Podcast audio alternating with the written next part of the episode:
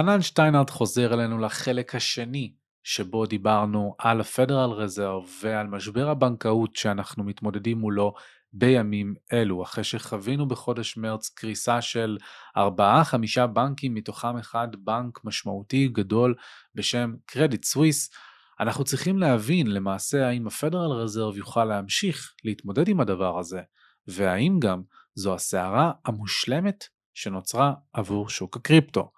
גם אני וגם חנן חולקים בעצם את הדעה שעד שהעשור הזה הוא מאוד מאוד משמעותי. אישית אני חושב שעד 2030 אנחנו הולכים לחיות במערכת כסף חדשה לחלוטין, ואגב אני מרחיב על זה המון בסדרת המפגשים השקעות בתקופת כאוס שהלינק לכל המידע עליה נמצא בתיאור הסרטון והיא מתחילה ממש בקרוב.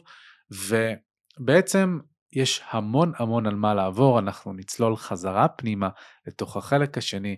אני רוצה להזכיר לכם ששום דבר שחנן ואני אומרים לא יכול ולא צריך לשמש לכם כהמלצה לפעולה או כייעוץ השקעות, אלא תתייעצו עם יועץ, בצעו את המחקר שלכם עבור עצמכם, ואל תשקיעו שקל לפני שעשיתם זאת.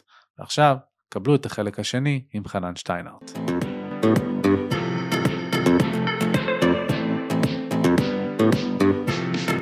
אין מצב שהפד יכול לעמוד בלחץ ובפיתוי של הבאסט. וזה החולשה של כל הסיסטם הזה. זאת אומרת, כל הרעיון הזה שהפד יעלה ריבית ויוריד ריבית ויעלה ריבית, אחלה, פנטסטי, מצוין, והוא ישלוט בגלים, וככה הוא חושב שהוא יכול לשלוט בגלים. יש רק בעיה אחת, הוא לא יכול לשלוט בעצמו.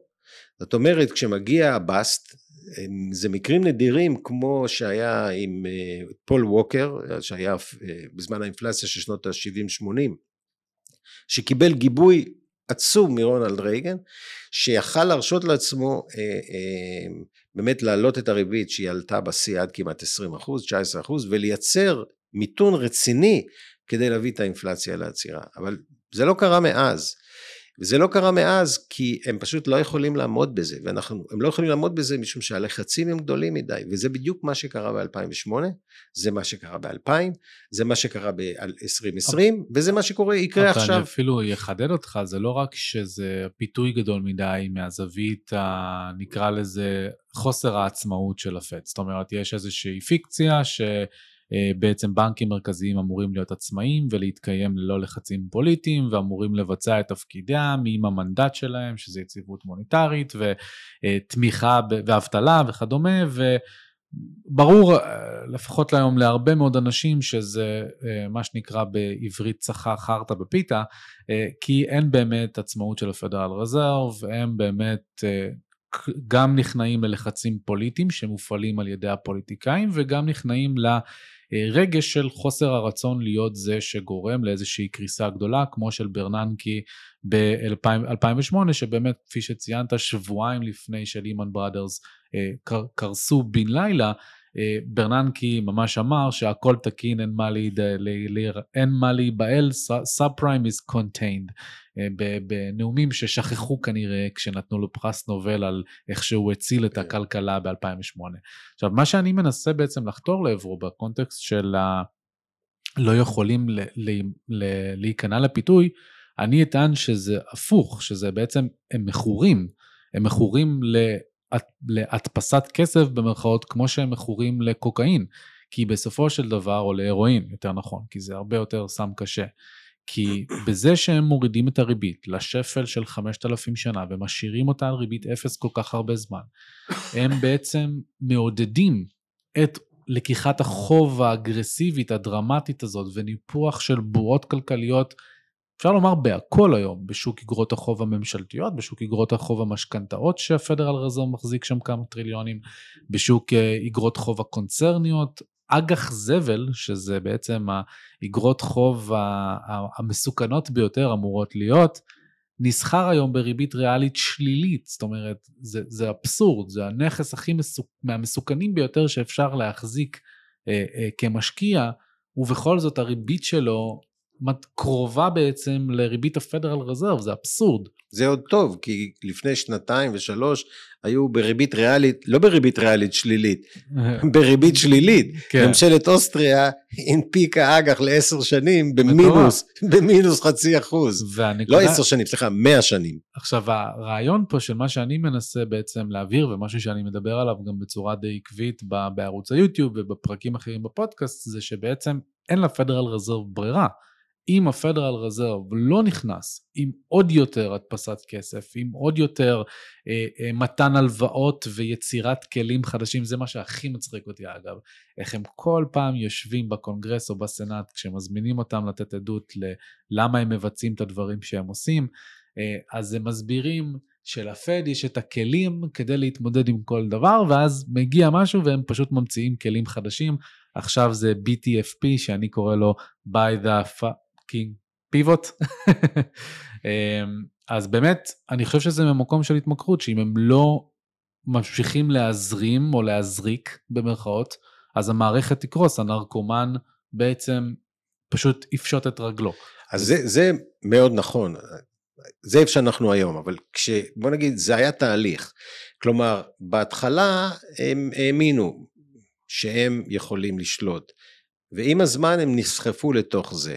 ועם הזמן הם חצי האמינו, והם היום כבר, אין, אין דרך אחורה, אז ברור שהם חייבים להאמין במה שהם עושים.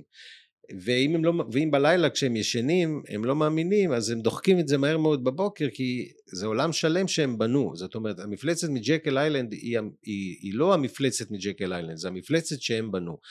ונקודה לדעתי הנקודת מפנה היא הבועה של 2000 זאת אומרת הבועה של 2000 הדוט קום באבל לא היה בועה פיננסית. זאת אומרת היא, היא הייתה טכנולוגיה חדשה מרגשת אינטרנט אף אחד לא ידע בדיוק מה אפשר לעשות איתה.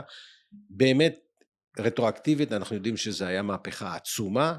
בשנת ה-99 כולם חשבו וואו איזה יופי אפשר יהיה להזמין באינטרנט אוכל לכלבים פץ.קום וחשבו זה הדבר הכי גדול אבל באמת אנחנו רואים שחברות בלי להתייחס כרגע לשווי המניות שינו את העולם גם בניווט וגם באי-קומרס באמת הייתה מהפכה ענקית וכסף זרם לתוך המהפכה הזאת ונוצרה הבועה של שנת 2000 אתם אחר כך התקרסה, לא כל כך חשוב, זה לא הנושא.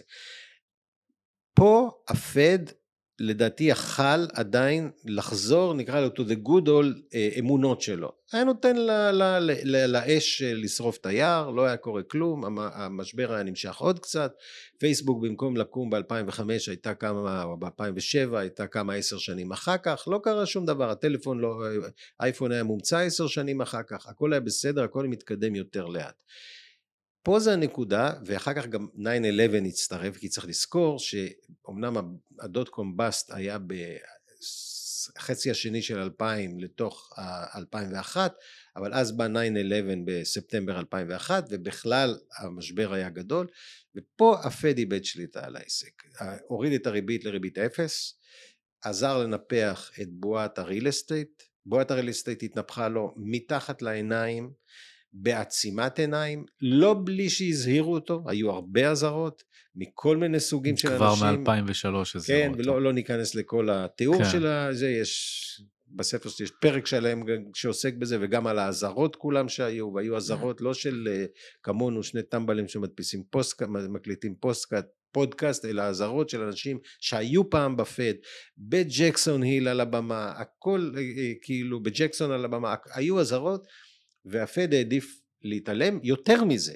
אדון ברננקי לא סליחה גרינספן מופיע לפני הקונגרס ומשוויץ הוא אומר הפריחה ב real estate היא תורמת לנו לתל"ג. אגב צריך להבין כי הפריחה ב real estate היא לא רק real estate שהוא 16% מהכלכלה של אמריקה. באמריקה אתה יכול לקחת אשראי על הבית זאת אומרת אנשים שהבית שלהם עלה הערך שלו קוראים לזה הם מוציאים equity מהבית mm-hmm. אז נגיד הם קנו את הבית ב-100 עכשיו הוא 200 נגיד היה להם משכנתה 10 אז עכשיו יש פתאום הרבה כסף למשכנתה לוקחים את הכסף וקונים איתו תכשיטים חופשות לא לא כאילו consumer ממש consuming כן. והם איבדו שליטה בעצם ב-2000 ואז קרה 2008 כולנו יודעים המערכת עמדה בפני קריסה והם עשו QE1, אני לא חושב שהייתה להם ברירה, אם הם לא היו עושים QE1 היה קטסטרופה, mm-hmm. הם בעצם קנו את הנכסים, את הנכסים הרעילים האלה מהבנקים ונתנו להם כסף חדש, ו-QE1 עוד אפשר לסלוח. QE2 בלחץ, אבל QE3 היה מופקרות, זאת אומרת לא הייתה סיבה ל-QE3, הסיבה של QE3, זאת אומרת QE זה הרחבה כמותית, quantitative easing mm-hmm. שהם uh, הדפיסו כסף, QE3 היה אשכרה בשביל שהמשק יחזור לפרוח וזה מה שאני אומר שהם לא יכולים לעמוד בפיתוי זה לא במובן הם אני מסכים איתך, זה כבר, זה כמו שאתה יכול להגיד, נרקומן לא יכול לעמוד בפיתוי, זה כן. שני צדדים של אותו מטבע. QE3 היה כבר מופקרות טוטאלית, ו-QE3 שם את, את השביל איפה שאנחנו נמצאים היום. אז זהו, אז אני, אני ארצה לנבור בזה קצת מזווית אחרת, אבל לפני כן אני כן רוצה לעשות טיפה fast forward בעצם לאיפה שאנחנו נמצאים היום. Uh, עדיין בקונטקסט של הפד, נראה עוד מעט אם נספיק לדבר גם על סיליקון וואלי וכן הלאה. בקונטקסט של הפד יש את ה Fed pivot, בעצם ה Fed pivot זה איזשהו אה, מונח שמדבר על איך שכשמגיע רגע האמת, הפדרל רזרב, כנרקומן או כמישהו שלא יכול אה, אה, לעצור את עצמו פוליטית, רגשית וכולי, אה, חוזר בו, pivot זה בעצם מהפך. וזה התחיל מ-1987 כשהייתה קריסה גדולה בשוק המניות, אלן גרינספן מציל הכלכלה אה, וחביב וול סטריט בעצם אה, יוצר את ה pivot הראשון ומכניס איזשהו מנגנון פסיכולוגי לשווקים. The Greenspan put. The Greenspan put, בדיוק, שבעצם אה, הפד שם, יש להם את הגב שלו. אם השווקים יפלו, הפד ייכנס, אז מה שנקרא buy the dip או buy the dip, כפי שהיום יותר נהוג בבועת המים קוינס נקרא לזה ככה. ועכשיו אנחנו מגיעים בעצם לאיזושהי מציאות חדשה, שבה למרות במרכאות הדפסת הכסף שהייתה בעשורים האחרונים, האינפלציה לפי מדד המחירים לצרכן לא באמת הכתה, ועכשיו היא אכן מכה, אה, ובעצם הפדרל רזרב ובנקים מרכזיים בעצם בכל רחבי העולם נמצאים במלכודת. מצד אחד המנדט שלהם הוא לשמור על יציבות מחירים ולכן הם חייבים להילחם באינפלציה. מצד שני גובה החוב שיש היום בכלכלה והיכולת של משקי בית ועסקים לקלקל את עצמם ובאמת ליצור פעילות כלכלית מאוד מאוד גבוהה על החוב, נמוכה על הפעילות הכלכלית, אז הם תקועים. ואני אשמח קודם כל על הטייק שלך, על האם הפד פוט כאן איתנו להישאר או שמא אה, פאוול, יושב ראש הפדרל רזרב, מנסה לשבור את זה עכשיו, ואיך אתה חושב שהם יוכלו להתמודד עם. עם המלכודת הזאת?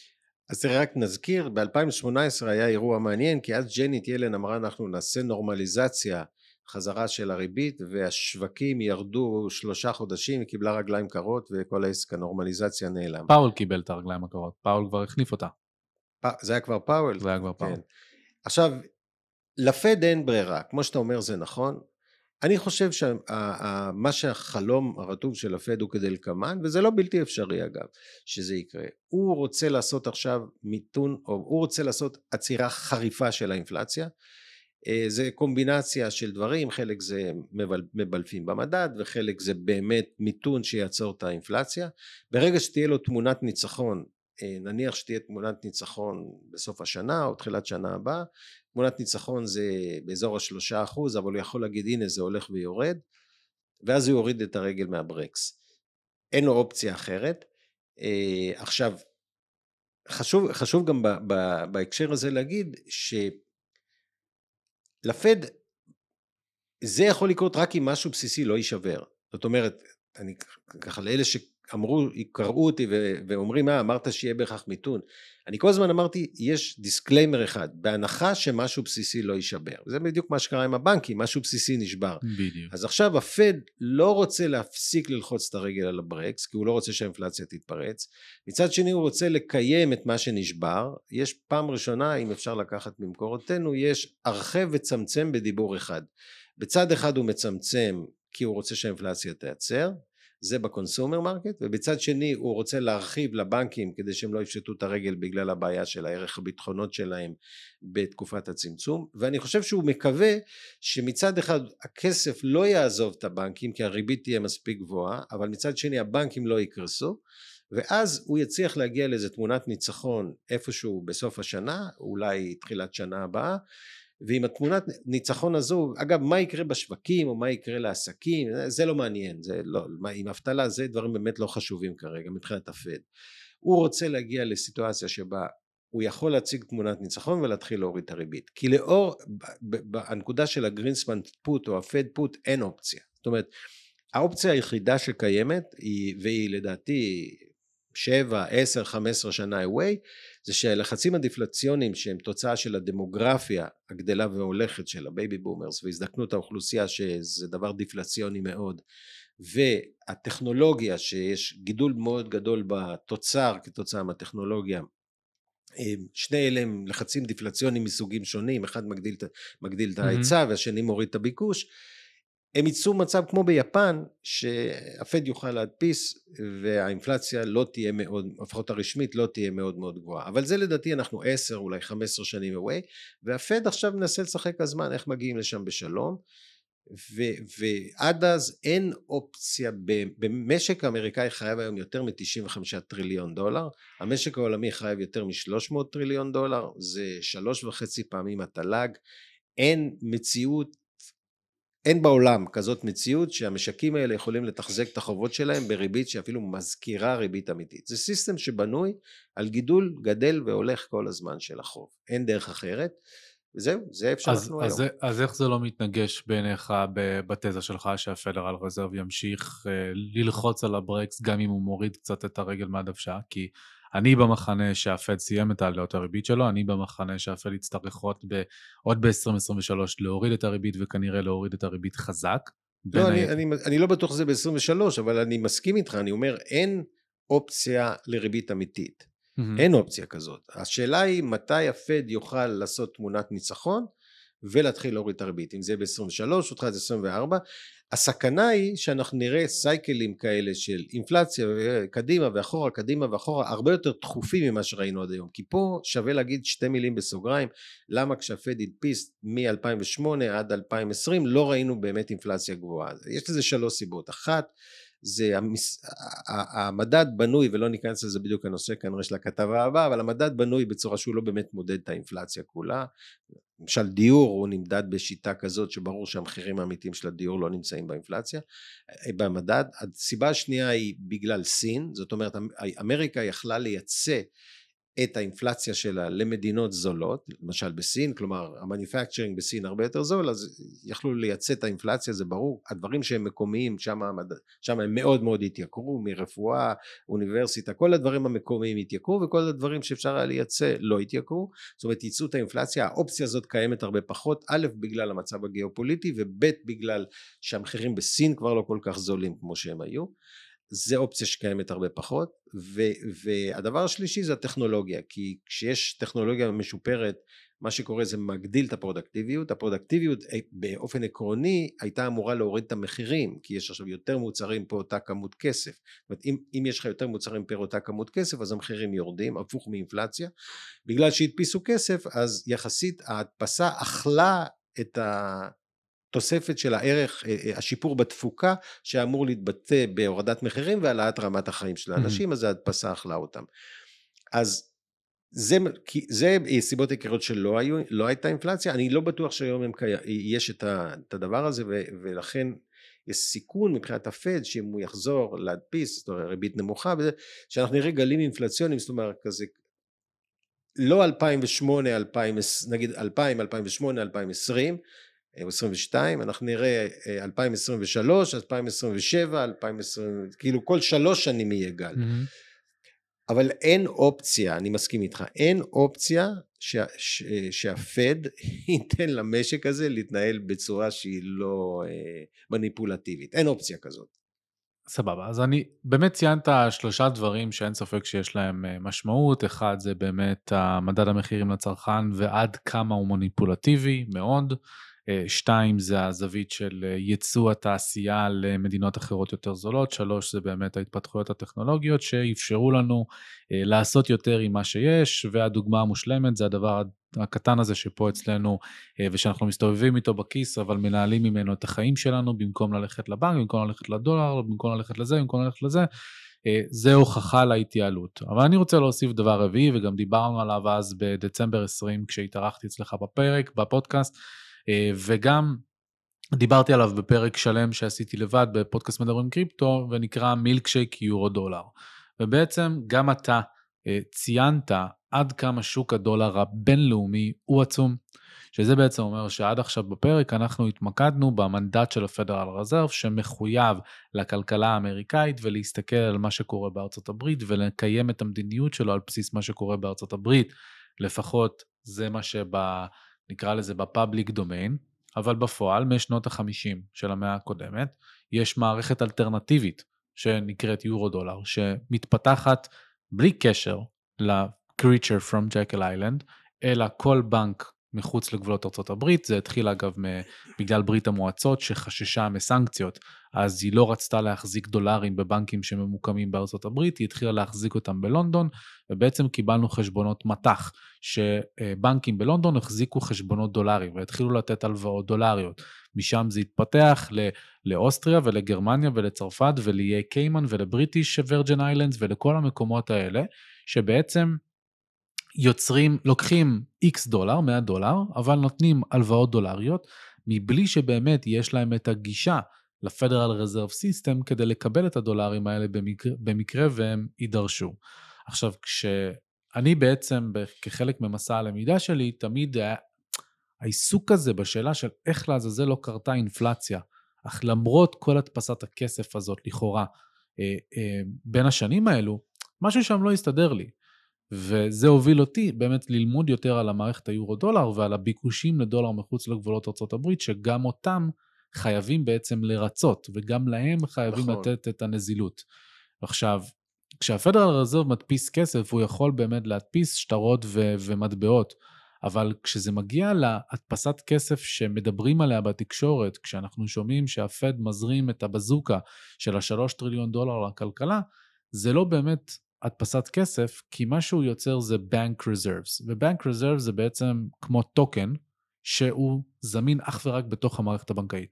הוא לא יכול להגיע אליי ואליך, האדם הקטן, אלא אם כן יש מנגנונים נוספים, כמו הרמאות שנעשתה ב-2020, כשהוקמו Special Purpose Vehicles, בעצם מכשירים פיננסיים חדשים בשיתוף עם משרד האוצר, שמה שהפדרל רזרב עשה זה הוא לקח את ה-Bank Reserves, שם אותם בתוך החברה החדשה הזאת שהוקמה בבעלות משותפת עם משרד האוצר, והלוו כנגדה כסף. ואז משם חילקו את הצ'קים ישירות לאזרחים, וזה באמת גרם לאינפלציה, כי זה הגיע ישירות לאזרח. אבל כל ה-QE1, QE2, QE3, בעצם נועד בכלל לרכך ולתת יותר תחמושת למערכת הבנקאית עצמה, להתמודד עם נזילות בכלל של השוק שאתה כתבת עליו המון לא, בעצמך. חלק, חלק, תראה, זה נכון מאוד, זה הנקודה הרביעית, זה שבאמת חלק מהדולרים לא, לא, לא הוצאו בכלכלה האמריקאית, אלא הלכו החוצה. אבל למשל QE3 הוא היה בעיקרון רכישה של משכנתאות, mortgage back securities, זאת אומרת זה כסף שהלך לשוק הדיור. תראה, זה דבר מדהים, שוק הדיור באמריקה מ-2007 אה, בערך 2.7 טריליון דולר מן המשכנתאות, שזה בערך 40 אחוז מהמשכנתאות זה באות מהפדרל רזרב, הוא, הוא, בסוף, הוא בסוף קונה אותם, לא, לא חשוב כרגע הטכניקה, mm-hmm. אבל בסוף הגורם שמנפיק את המשכנתה הוא לא זה שנושא בסיכון, אלא יש מישהו שמנפיק את המשכנתה והוא מוכר את זה או לפאני מיי או לפרדי מק, שזה כאילו שני גופים ממשלתיים שאו נותנים ערבות או קונים, ובסוף 2.7 טריליון הפד קנה. זאת אומרת בסוף יושבים בספרים של הפד 2.7 טריליון דולר של mortgage back securities.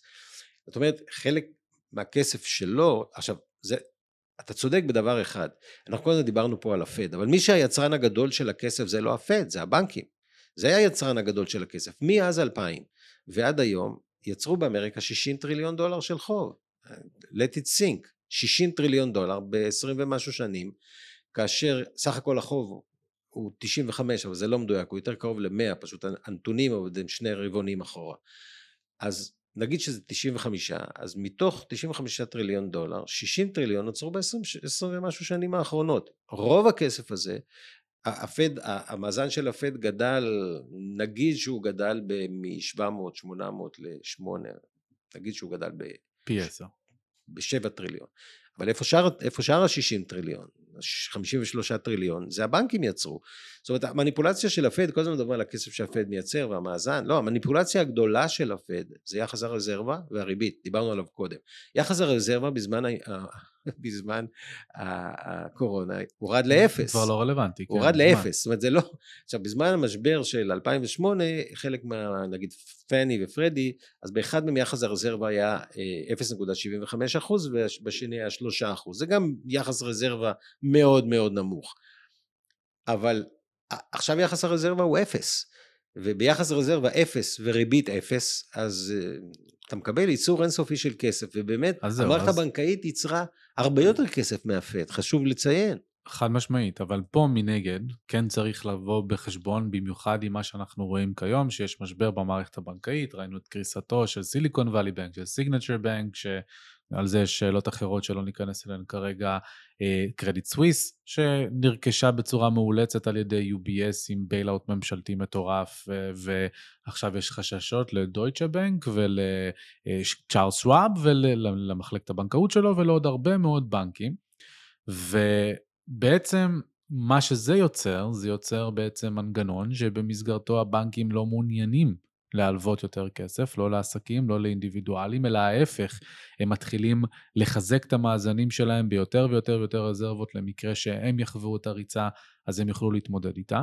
אז כסף חדש לא נוצר כאשראי או כחוב לתוך הכלכלה, וזה בעצם, אה, אני אטען שב-13 שנה האחרונות אנחנו למעשה בסוג של שפל שקט, כי הצמיחה האמריקאית הייתה מאוד מאוד נמוכה, בממוצע כ-2%, ויש איזושהי תפיסה, כאילו אנחנו רואים את הכל צומח מסביבנו, אנחנו רואים את הטלפונים שלנו, אנחנו מרגישים את ההתייעלות הטכנולוגית, אבל דה פקטו, הבנקים לא מלווים באותו אופן, הבנקים מעדיפים להחנות את הכסף, את ה-bank reserves, את הטוקנים שיש להם של הפד, אצל הפד, בין אם זה בכלי שנקרא reverse repo, בין אם זה או repo, בין אם זה בכלי שרזרבות עוטפות, שהפדרל רזרב משלם פרמיה משמעותית מאוד על כל רזרבה עודפת שהם מחזיקים אצלו.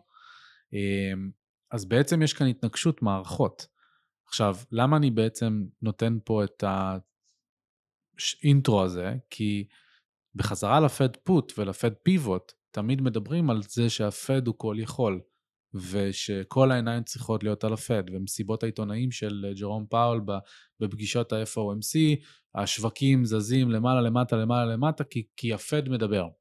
אבל דה פקטו המערכת הבנקאית הבינלאומית, שהיום שוק היורו דולר יותר גדול מהשוק הדולרי האמריקאי, היא זו שקובעת מה יקרה, והיא זו שמאותתת דרך הקום התשואות דרך יורו דולר פיוטרס, שזה אה, כלי גידור שבו בנקים בחו"ל משתמשים בעיקר כדי לגדר את ערך הדולר, מראים כבר מזמן שהפד יצטרך להוריד ריבית מהר. אז בעצם השאלה שאני רוצה להכווין אליך, ולפני השאלה האחרונה נקרא לזה ככה, זה באמת, אה, האם לפד באמת יש את כל הכלים או את כל מה שצריך, מה שדרגי אמר, whatever it takes, כדי להתמודד עם המשבר הזה, כשהבנקים עדיין חווים את המשיכות, גם ל-money market funds, לקרנות כספיות שנותנות 4.5-5% תשואה במקום להחזיק את זה בפיקדון בבנק שהוא לא מבוטח. אז איך, איך הפד בעצם, איזה כלים עוד יש לפד להתמודד עם זה, והאם הוא באמת יוכל לעשות את זה בעיניך? תראה, אה, זו שאלה טובה. אני נמנה עם אלה שלא מזלזלים בפד זאת אומרת אה, האמירה הזאת don't fight the fed שהמציא איזה בחור אחד לפני 30 או 40 שנה היא שירתה טוב מאוד את כל מי שעסק בעולם ההשקעות בין אם הוא הבין את האמירה הזאת ובין אם לא. בעיקר אם לא אבל תראה הפד הוא מאוד מאוד פאורפול יש לו הרבה כלים של הדפסת כסף. אה, יש לו מערכת שלמה שכולם בעלי, בעלי, אף אחד אין לו אינטרס בסוף אה, לדבר הזה, אה, למוטט אותה. יש לו הרבה אנשים בתקשורת שחוזרים על המנטרות האלה, הפודקאסט הזה הוא יוצא דופן של היוצא דופן.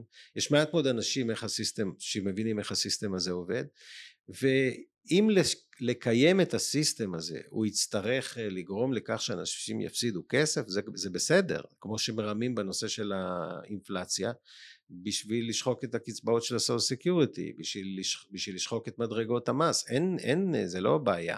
זאת אומרת אם אה, אנשים ייקחו התחייבויות ובסוף לא יחזירו כן יחזירו יהיה להם פנסיה לא, לא יהיה להם פנסיה זה לא מאוד מטריד את הפד אני חושב שהפד הוא מאוד מאוד חזק הוא יכול להדפיס עד שהמערכת הזאת תצא משליטה, הוא יסתום את החורים, הוא יילחם, והדבר הכי גדול שהוא יעשה, וזה, ומערכת הבנקאית היא בסוף will trap את כולם בתוך הסיסטם. קוראים לזה Central Bank Digital Currency. Currency. ואז כשכולם יהיו trapped בתוך ה system, ואנחנו רואים את זה בטח בישראל שהוא עוד יותר גרוע מהפד. זאת אומרת חוק המזומן וחוק הזה וחוק הזה ולמי העברת וממי קיבלת ולמי רצית ולמי הלכת ולמה ואנשים יהיו trapped בתוך ה system מה, מה, הוא ישחק מה שהוא ירצה, הוא יאכל מה שהוא רוצה, והוא ימסה מה שהוא ירצה. זה, והוא... זה אם ייתנו לו, אה, זה בסופו של דבר, לא, לא ניכנס עכשיו לנושא של ה-CBDC, כי זה גם, גם זה שלושה פרקים בפני עצמם, אני נראה לי יכול להעביר אותי איתך עליהם, אה, אבל באופן כללי, CBDC מצריך ממש אה, שינוי ב-Federal Reserve Act, בעולם מאוד דו-קוטבי, בעצם שהדמוקרטים והרפובליקנים לא מצליחים להסכים על שום דבר. אה, מצריך הרבה מאוד דברים והרבה מאוד אימוץ מתוך האמריקאים עצמם. נכון, אבל זה לא חייב אה, להגיע לקיצוניות של CBDC. תשמע, זה, זה, זה... תזכור איך הגענו מ-1913 להיום. זאת אומרת, זה תהליכים, זה לא בהכרח מחר בבוקר כולם CBDC חובה פק פק פק. תראה איך מערכת הבנקאית הישראלית נראית היום, לעומת איך היא נראתה לפני 20 שנה. אה, כמה היא יותר אה, מגבילה, וכמה היא יותר קשה, וכמה, למה אתה מעביר לביטקוין? זה ביט... הכסף שלי, אני רוצה, ביטקוין זה חוקי, אני רוצה להעביר לביטקוין. תראה, תראה כמה קשיים בירוקרטיים עושים לך. אז, אז, אז אם נחזור לשאלה על הפד, אני חושב שהפד אה, יהיו קשיים, הוא מכניס אותנו למסלול שהופך יותר ויותר תלול כל הזמן, יותר ויותר מסוכן כל הזמן, יהיו בו כל הזמן קורבנות, שמע סיליקון באלי בנק הם לכאורה עזרו אבל אני שמעתי שאנשים עוד לא קיבלו את, או חלק מהאנשים עוד לא קיבלו את הכסף וזה שהם עזרו זה היה נס הם יכלו להגיד אנחנו ניתן רק 30 אחוז או 50 אחוז או 70 אחוז ויהיו קורבנות לאורך הדרך. לא נס אה, אתה יודע זה עניין גם של פרספקטיבה יש פה מורל הזארד מאוד גדול יש פה בנק שהתנהל בצורה חסרת אחריות היה ממוקד רק לסקטור אחד ספציפי נתן הלוואות מטורפות לאותן קרנות לאותם סטארט-אפים חכה כשיגיעו חכה זה כלום חכה כשיגיעו למה שנקרא commercial real estate. obviously. זה פצצת פצצת זמן של שלושה טריליון. אני מכין על זה פרק גם, כן. אבל, אבל, אני, אבל שוב, אני חושב שהם, אה, אה, איך אומרים, don't, under, don't underestimate את היכולת שלהם mm-hmm. להדפיס, לעשות מניפולציות, למסות, ו to drag it on, תסתכל על יפן, לא צריך ללכת רחוק. אה, יפן בעיניי דוגמה למשהו שיקרוס לפני, זאת אומרת, אני חושב שמיפן ככל הנראה תצא הצהרה ש... ש... תביא אותנו למערכת המוניטרית החדשה, שלי באופן כללי יש את התזה שלי שעד 2030 אנחנו כבר לא נחיה תחת אותה מערכת כסף. אני מסכים איתך, אה, העשור הזה will define, אבל אתה יודע ביפן המאזן של הבנק המרכזי היפני הוא 130% מהתל"ג. זאת אומרת במונחים אמריקאים mm-hmm. והבנק המרכזי היפני מחזיק 7% מהמניות בבורסה. הוא מחזיק יותר מ-50% מאגרות החוב בממשלה, שזה אגרות החוב הכי לא נזילות אז בעולם. אז תחשוב 130 אחוז מהתל"ג במונחים אמריקאים תחשוב שהמאזן של הפד יושב על 35 טריליון דולר. אוקיי? כן. We have still a long way to go. נכון, אבל מנגד אה, יש הרבה שוני, יש הרבה שוני. לא ניכנס אליהם עכשיו, כי יש לי כמה דקות אחרונות איתך, ובדקות האלה אני דווקא רוצה לשמוע את הטייקים שלך אה, על ביטקוין, על קריפטו, וגם על מה שאתה עושה בתחום הזה, כי יש לך גם חברה שעוסקת בזה. אה, אז קודם כל, השאלה הראשונה תהיה באמת, בצל מה שדיברנו על הפדרל רזר, בצל מה שדיברנו גם על זה ש- שאתה ואני צופים שהעשור הזה יהיה בעצם מאוד מאוד משמעותי. אה, ואגב, למאזינים, ואם אתה לא יודע, אני עושה ממש סדרת מפגשים שנקראת השקעות בתקופת כאוס, שתעסוק באמת בתמונת המצב של הדבר הזה. אה, איך ביטקוין ומטבעות דיגיטליים נכנסים למשוואה, בעצם האם זה הסערה המושלמת עבורם, האם זה דווקא אה, יבוא בעוכריהם כי ממשלות אה, יעצימו את המלחמה, כיצד אתה רואה את הפרספקטיבה הזאת, ולאחר מכן תספר קצת על מה שאתה עושה. אז אה, אני אתחיל דווקא בזהב. זאת אומרת, הזהב הוא לכאורה לא נכס מוניטרי, וכמו שוורן באפט אמר, הוא כלום שבכלום, ולא רק וורן באפט, הרבה אמרו כלום שבכלום, והנה למרבה הפלא, מי האנשים שהקונים הגדולים ביותר של זהב היום זה בנקים מרכזיים. בנקים מרכזיים היום מחזיקים בערך 20% מעתודות הזהב הפיזיקל גולד, לא הפייפר גולד בעולם. אתה שואל את עצמך בעצם למה? הרי מה הם יודעים שאנחנו לא יודעים? הרי לכאורה, חוץ מבנק ישראל, שהוא למיטב ידיעתי לא מחזיק זהב, מה הם יודעים שאנחנו... ואגב, זה לא רק הבנקים המרכזי הרוסי או הסיני, זה דווקא הגדולים זה המערביים. זה האמריקאי, זה הגרמני, צרפתי, טלקי, all over. ואתה שואל את עצמך בעצם למה, הרי לכאורה זהב זה כלום שבכלום, זה לא נכס מוניטרי, זה סתם uh, כזה shiny thing שקונים איתו, עושים איתו טבעות אירוסין, למה בכלל? זאת אומרת שהבנקים המרכזיים הם boomers, הם מבינים שאנחנו במערכת שהיא לא לגמרי יציבה, ובואו נעשה hedge מסוים לרזרבות שלנו, אין הסבר אחר. עכשיו הם, אין הסבר אחר, הם לא מתכוננים לעשות מזה תכשיטים, believe me.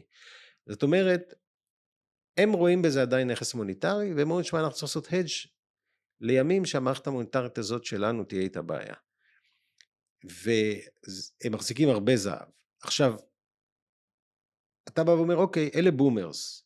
אלה חיים בעולם שזהב זה, אלפים, שבעת אלפים שנה של, של תרבות אנושית, זהב זה כסף, זהב זה הכסף, אז אנחנו חוזרים לזהב. אז אני חושב ככל שאנחנו מתקדמים קדימה יש יותר ויותר סיכוי שחלק מהצעירים מהדור הצעיר מהאנשים שהם בתוך טק יחשבו אותו דבר כמו הפדרל רזרב רק הזהב שלהם יהיה הביטקוין אגב אני מפריד בין הביטקוין והאתיריום וכל השאר זה דיון אחר והם יחשבו באותה צורה והם יגידו תשמע אנחנו צריכים אה, אה, כמו שהפד קונה לא רק הפד כמו שהבנקים המרכזיים קונים זהב אנחנו נקנה ביטקוין. אה, ההבדל הוא שאנחנו לא צריכים כספת ואנחנו לא צריכים כולנו יודעים את ההבדלים ואנחנו אה, אם אנחנו צריכים לברוח מרוסיה בגלל שיש מלחמה זה הכסף שלנו איתנו ו, וככל שאני חושב שהמערכת תהיה יותר אה, אגב זה לא המלצה זה לא המלצת השקעה בטח אנחנו לא יועצים אני גם נותן את ה disclaimer בפתיח. וככל שיותר אנשים ירגישו פחד מתוך ביציבות של המערכת הקיימת יותר ויותר יעשו hedge לתוך עולם הביטקוין. ואנחנו ראינו את זה איך הביטקוין קפץ בשעה שהיה את הפחד עם הסיליקון ואלי בנק וכל זה הביטקוין עלה והנסדק ירד. זאת אומרת אני, ואני לא צריך להגיד לך, אתה יודע כמה ביטקוין זמינים למסחר יש בעולם. אני לא חושב שאם כל מיליונר, שיש היום בערך 60 מיליון מיליונרים, כל מיליונר ירצה לקנות ביטקוין, אין לו רבע ביטקוין זמין, בהנחה שהביטקוינים החיים בכלל יימכרו. אז, אז הנזילות בביטקוין היא, לא, היא לא באמת מאוד גבוהה אם יהיה ביקוש אמיתי. Mm-hmm. ו, ואני חושב שזה נכס אה, שכל בן אדם אה, חייב להסתכל עליו ברצינות משום שתי סיבות. אחת משום שהוא באמת נכס שהוא היחס אין פרופורציה בין הסיכון לסיכוי וגם משום שהוא נכס שיכול להוות גידור כלפי מערכת מוניטרית שהיא, איך קוראים לזה, יציבות של חוסר יציבות. זה מגדל קלפים שכל הזמן מוסיפים לו עוד קלף, והוא, זה מערכת שהיציבות שלה בנויה על חוסר יציבות אינהרנטית. כן.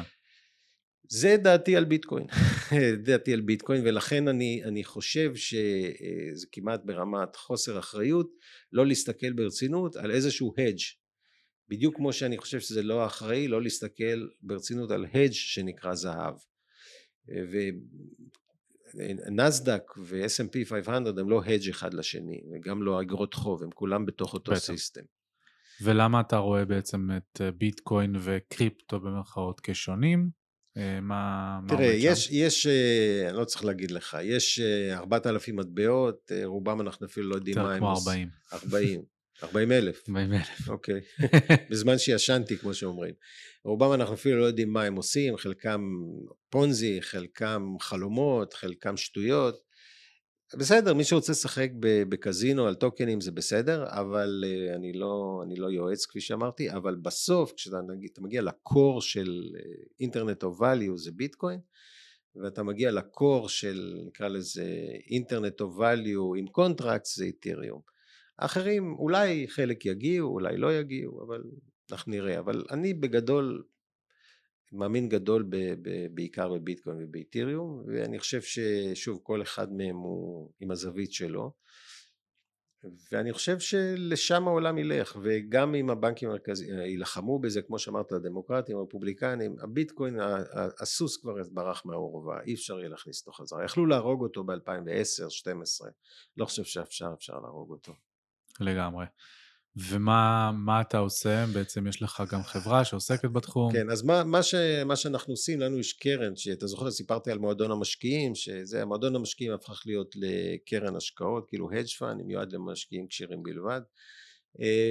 והיא מנסה להשקיע עם חוכמה מסוימת כי הרי בסוף אחת הבעיות של הביטקוין שזה גם אחת הסיבות ש mainstream investors מפחדים ממנה זה ה volatility המטורף שלו ואני חושב שה volatility הזה יימשך זאת אומרת אה, הסייקלים הארבע year cycle זה הם הולכים ושוכחים ככל שנכנסים יותר אנשים, אתה יודע, להזיז אה, כשהשווי שוק היה מיליארד זה אחרת מלהזיז כשהשווי שוק הוא חצי טריליון וזה ילך ויקטן כשהשווי שוק יהיה טריליון אבל עדיין הוא נכס מאוד מאוד וולטיל, וולטיליטי עם הרבה וולטיליטי ומה שאנחנו מנסים לעשות זה ליישר את עקומת הוולטיליטי דרך קצת שכל זאת אומרת גם אינפורמציה שהיא און צ'יין שמלמדת על ההתנהגויות וגם אינפורמציה שהיא ניתוח אה, טכני וגם אינפורמציה שהיא ניתוח סטטיסטי לנסות אה, ליישר את, ה, את, ה, mm-hmm. את, ה, את הוולטיליות הזאתי וגם אנשים שרוצים מצד אחד אנחנו מחזיקים את הנכסים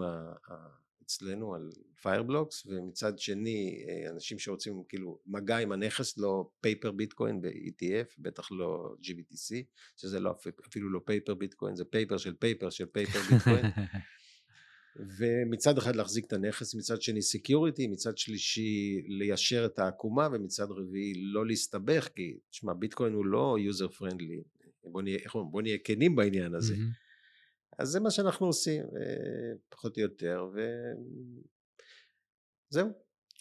מגניב. וגם עוד דבר, מקליטים את כאן אמריקה, כמו שאמרת קודם, מי שמתעניין, כאן אמריקה ב-K, זה פודקאסט שעוסק בכלכלה אמריקאית, קצת בקריפטו, מקליטים אותו מאז שהתחלנו את אה, עולם הביטקוין, נשמח אם תבואו. אחלה של פודקאסט, ולמי שרוצה גם למצוא אותך, אתה גם בטוויטר, בפייסבוק? אני, מה... אני בפייסבוק אני לא פעיל, יש לנו כאן אמריקה, יש לה גם uh, בפייסבוק uh, קבוצה, כאן אמריקה ב-K, אני בטוויטר, שם חנן סטיינרט. נדאג שגם הלינקים יופיעו ו... בתיאור הפרק. זהו. מדהים. שיהיה לכולם חג שמח. חנן היה פשוט מצוין, תודה רבה רבה רבה שבאת. תודה לך. זהו, סיימנו לדבר על הפדרל רזרב, על הרקע שלו, על המפלצת שנוצרה באי ג'קל ואיך בעצם המפלצת הזאת נעשתה מכורה לסמים קשים. היה לי לעונג לארח את חנן, ואם אתם רוצים, א', לעקוב אחריו, אז אתם מוזמנים לעשות את זה מאחד מהלינקים שמופיעים בתיאור הפרק, גם לטוויטר שלו וגם כמובן לטור שלו בגלובס. וכמובן שאם נהניתם מהפרק אז יותר מנשמח לראות אתכם א', מדרגים אותנו באפליקציות השונות וב', אתם מוזמנים להיכנס ל-cryptojungle.co.il כדי ללמוד עוד על הקורסים שלנו, על התכנים שלנו ולצרוך אותנו כמעט בכל פלטפורמה אפשרית. נתראה בפרק הבא.